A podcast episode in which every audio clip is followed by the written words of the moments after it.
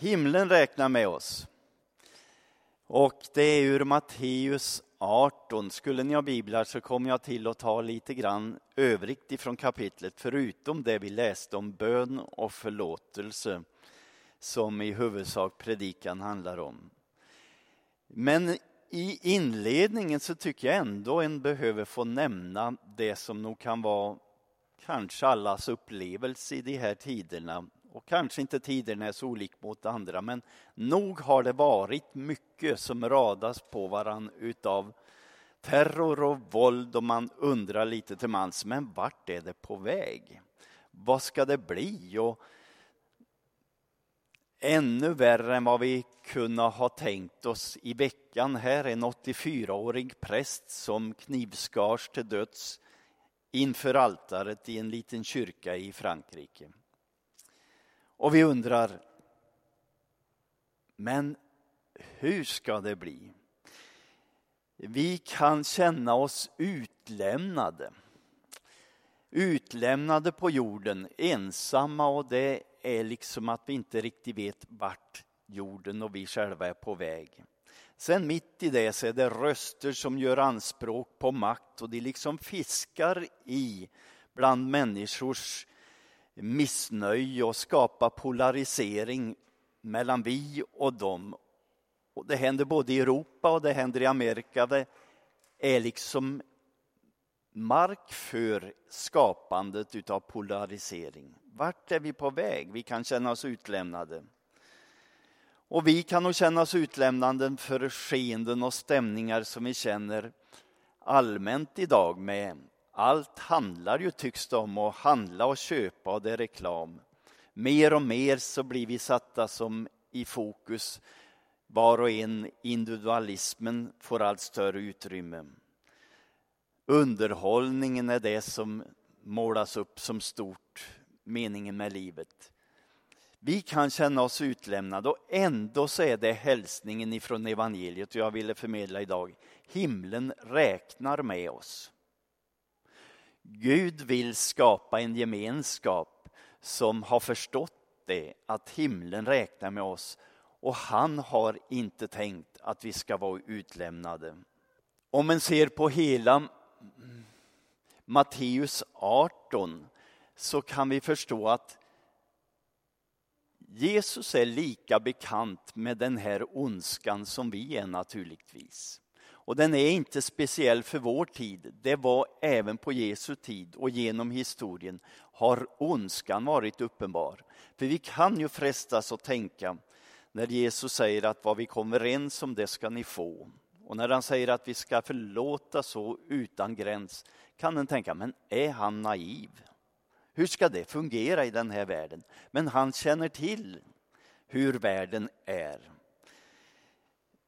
Det här kapitlet, om vi följer Matteus 18, så börjar det med lärjungarnas anspråk och fråga vem är störst? Och det kan ju vara roten till väldigt mycket ont, den strävan och den frågan hos oss. Vem är störst? Och så börjar klättrandet och imponerandet på varandra. Då tar han ett barn och sätter fram inför dem och säger att om inte ni blir som det barnet och omvänder er som barn så kan ni inte ens komma in i himmelriket. Och jag tänkte, mitt i det vi hör så mycket om ondskan så möter vi också det här troskyldiga, det här goda som vi kan se i ett litet barn. Det är därför bilden av körsbär är med här. Det var så här i torsdags så knackade på dörren uppe vid eh, Hallbergagatan där jag bor. Och när jag gick och öppnade så stod grannens pojk inflyttad vid jultid, han är nog inte mer än fem år, med en skål med körsbär. Jag vill ge dig några bär från våra träd, sa han. Och de hade planterat ett körsbärsträd tydligen. Jag vill ge dig några bär från vårt träd. Och så lyste de en så där troskyldigt. Sån glädje, sån stolthet att få ge. Jesus vet vad som är de verkliga värdena. Han vet också vad vi bör omvända oss till, vad som har framtiden för sig. Det är inte ondskan, det är inte terrorn, men det finns så mycket gott som vi kan se mitt i livet runt omkring oss. Och det är också en verklighet.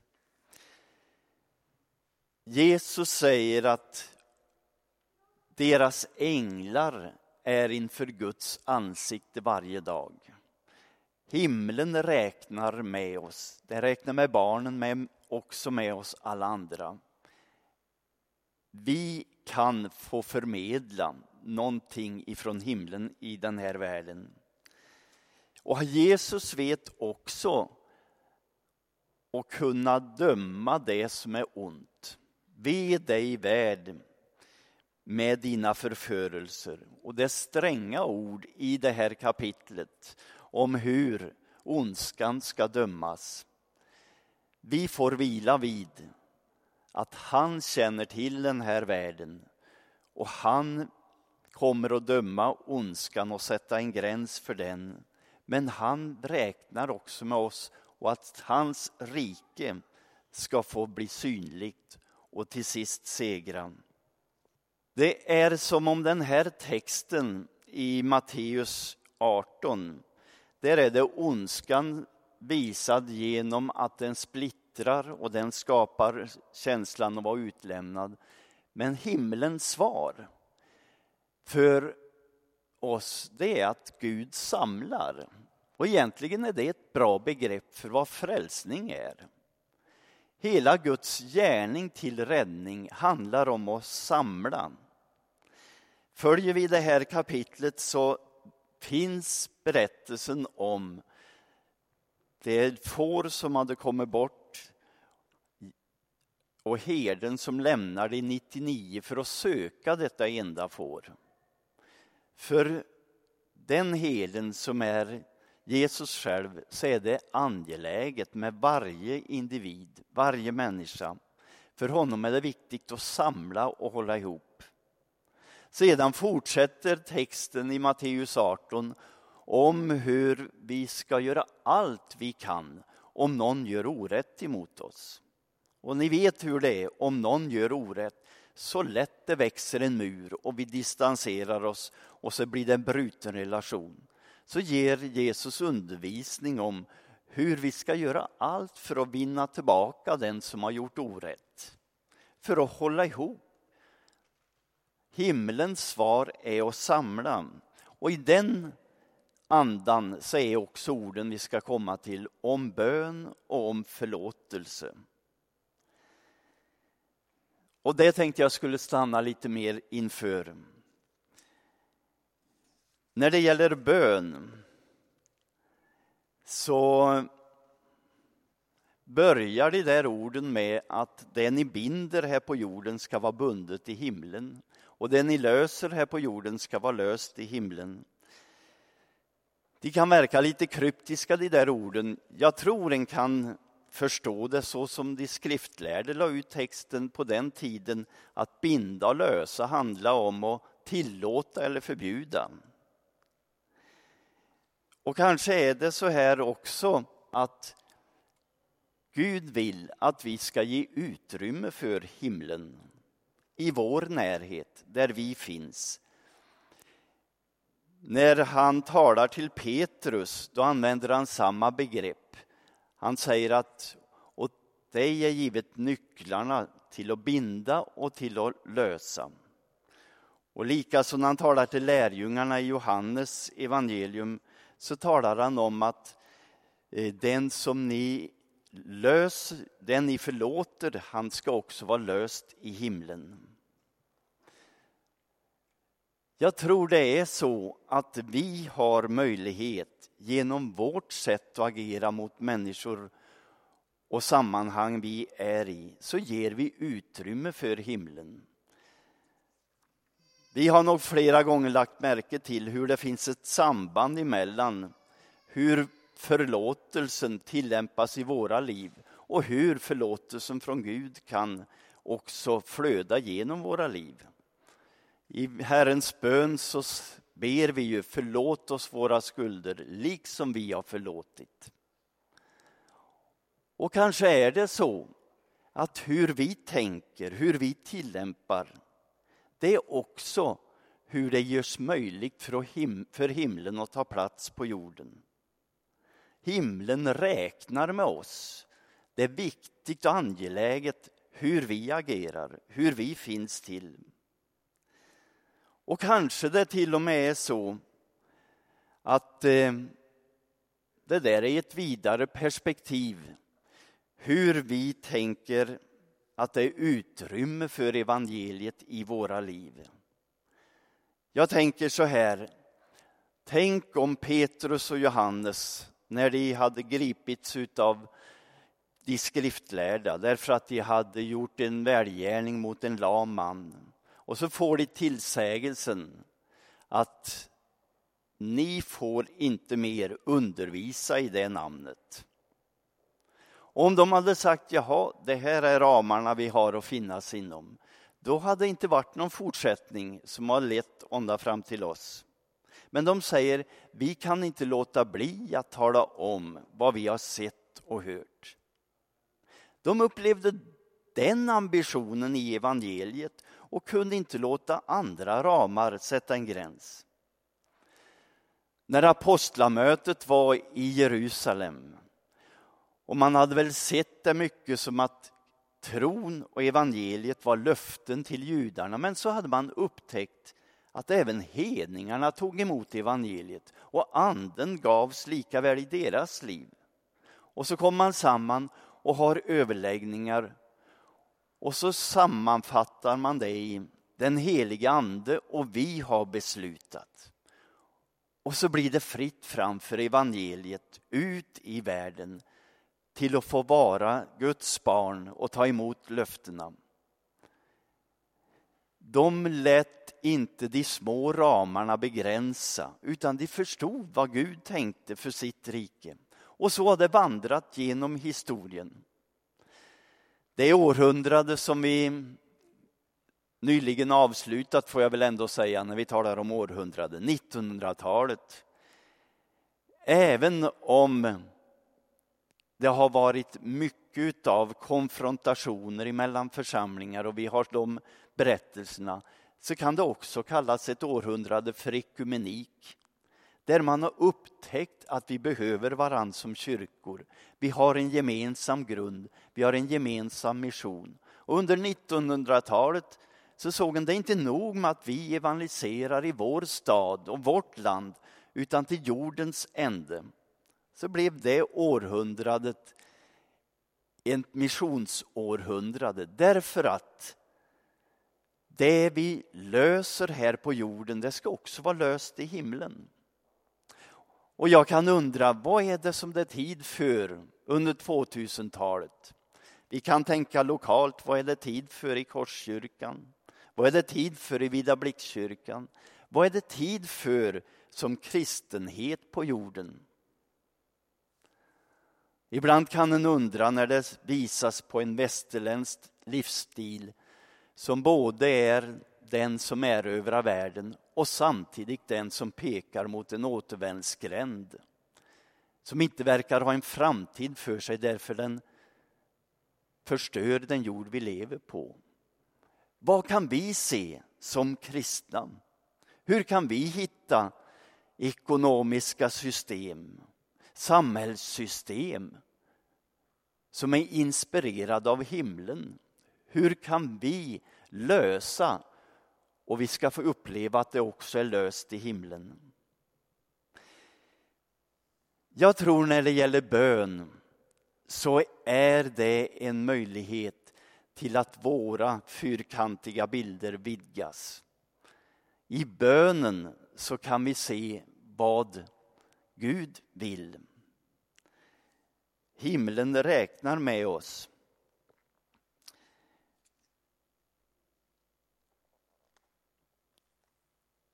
Det står ju det här löftet där två eller tre kom överens om.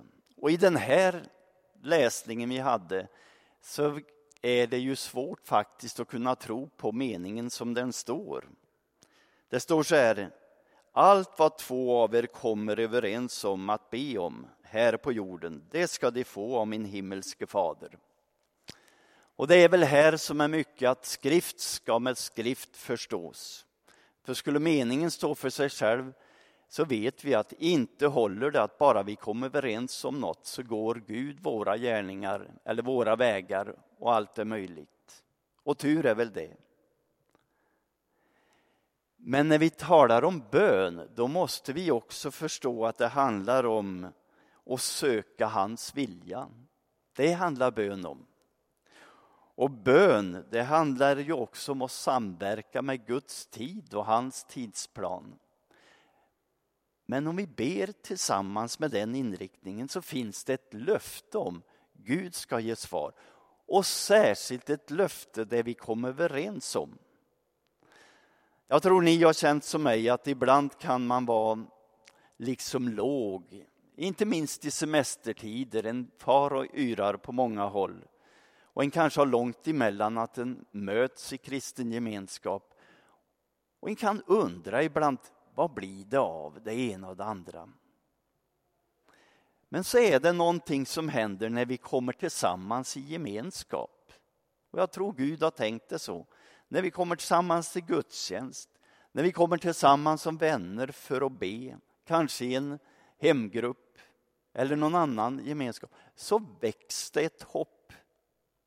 Det väcks ett hopp och en vision om, ja, Gud har lovat och så föds tanken att vi kan få göra skillnad.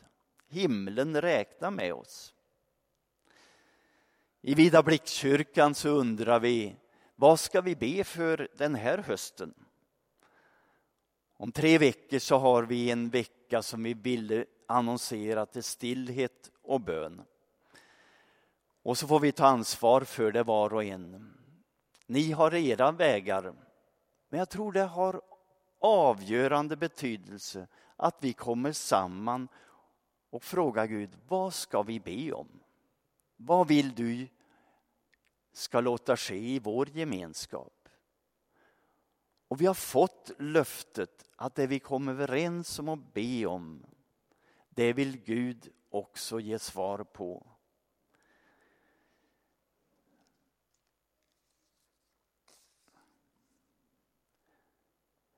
Det är också, tycker jag, uppmuntrande att det här löftet om bön, där finns ju det här fantastiska ordet att där två eller tre är samlade i mitt namn, där är jag mitt ibland dem. Det citerar vi ofta. Och tänk att här står det i ett sammanhang som avslutning efter berättelsen hur vi hanterar en gemenskap där det är konflikter och någon har gjort orätt. Det kan ju vara tröstande för oss, för ingen Ingen församling är en gemenskap som är fullkomlig. Men mitt i den ofullkomligheten så lovar vår Herre att han är mitt ibland oss när vi ber. Och så leder oss Petrus in med nästa fråga på förlåtelse. Han säger, hur många gånger ska jag förlåta min broder?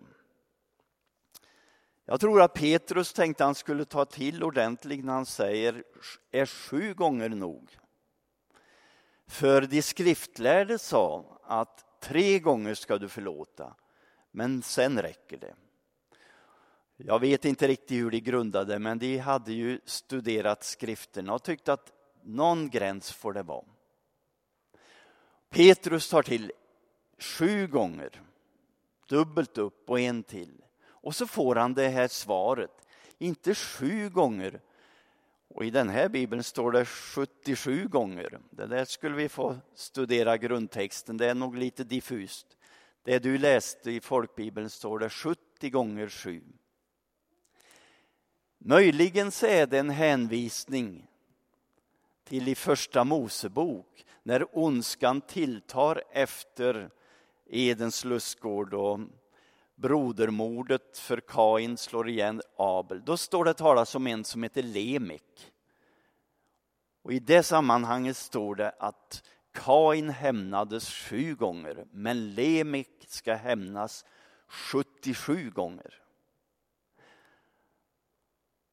Och jag tror Jesus svar är ett svar på denna hejdlösa hämnd som är ju också en risk och en fara i vår tid.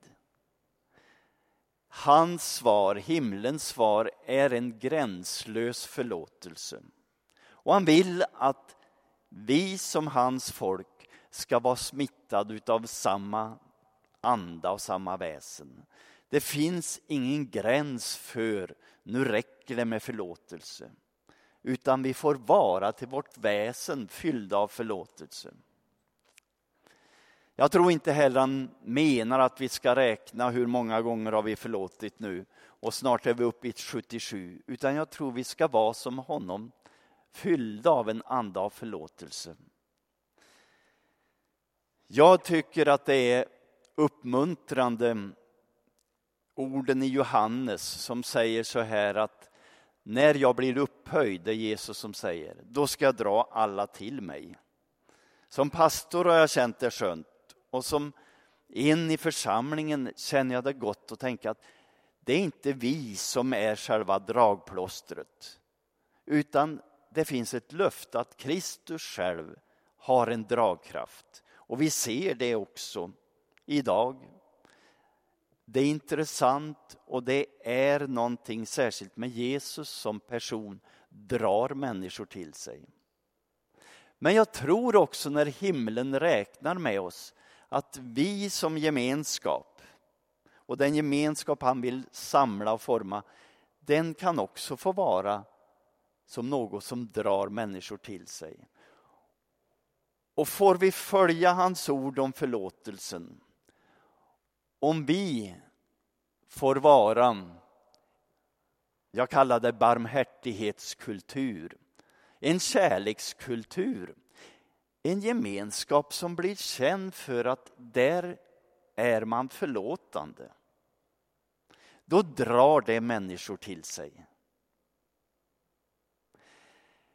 Och så får vi vara också en del av det där ordet när jag blir upphöjd och när vi upphöjer Jesus och hans ord genom våra liv och vårt sätt att leva. Då ska människor dras till mig. Ja, en enkel hälsning ifrån Matteus 18. Och känner vi igen oss i att världen kanske gör att vi känner oss utlämnade, så ta emot hälsningen från himlen. Han vill samla oss. Han vill låta bönen leva och han vill låta förlåtelsen praktiseras i vår gemenskap. Och då kan vi kanske få bli också en sån här fortsättning på det goda. Sträcka fram en skål med körsbär eller vad det är vi bjuder vår omgivning på. Och den bönen har han ju gett oss. Låt ditt rike komma på jorden så som i himlen. Och han menade allvar. Och det är klart att han vill ge svar på bönen. Och himlen räknar med oss. Vi kan be. Herre Jesus Kristus, tack för dina ord. Tack för att du räknar med oss och tack för att du också ger din heliga Ande så det är möjligt att vi får bli formade av dig. Jag ber här om din välsignelse över Korskyrkan och gemenskapen här. Jag ber att du in, inspirerar oss var vi än finns till att leva i bön. Och jag ber också att vi hittar människor som vi kan få komma överens om, komma överens med vad vi ska be för. Hjälp oss här att se din väg och vilja i våra liv. Och tack för löftena du ger oss. Så ber jag Herre att vi må vara, få bli en barmhärtighetsgemenskap så människor kan se ditt rike mitt i gemenskapen. Amen.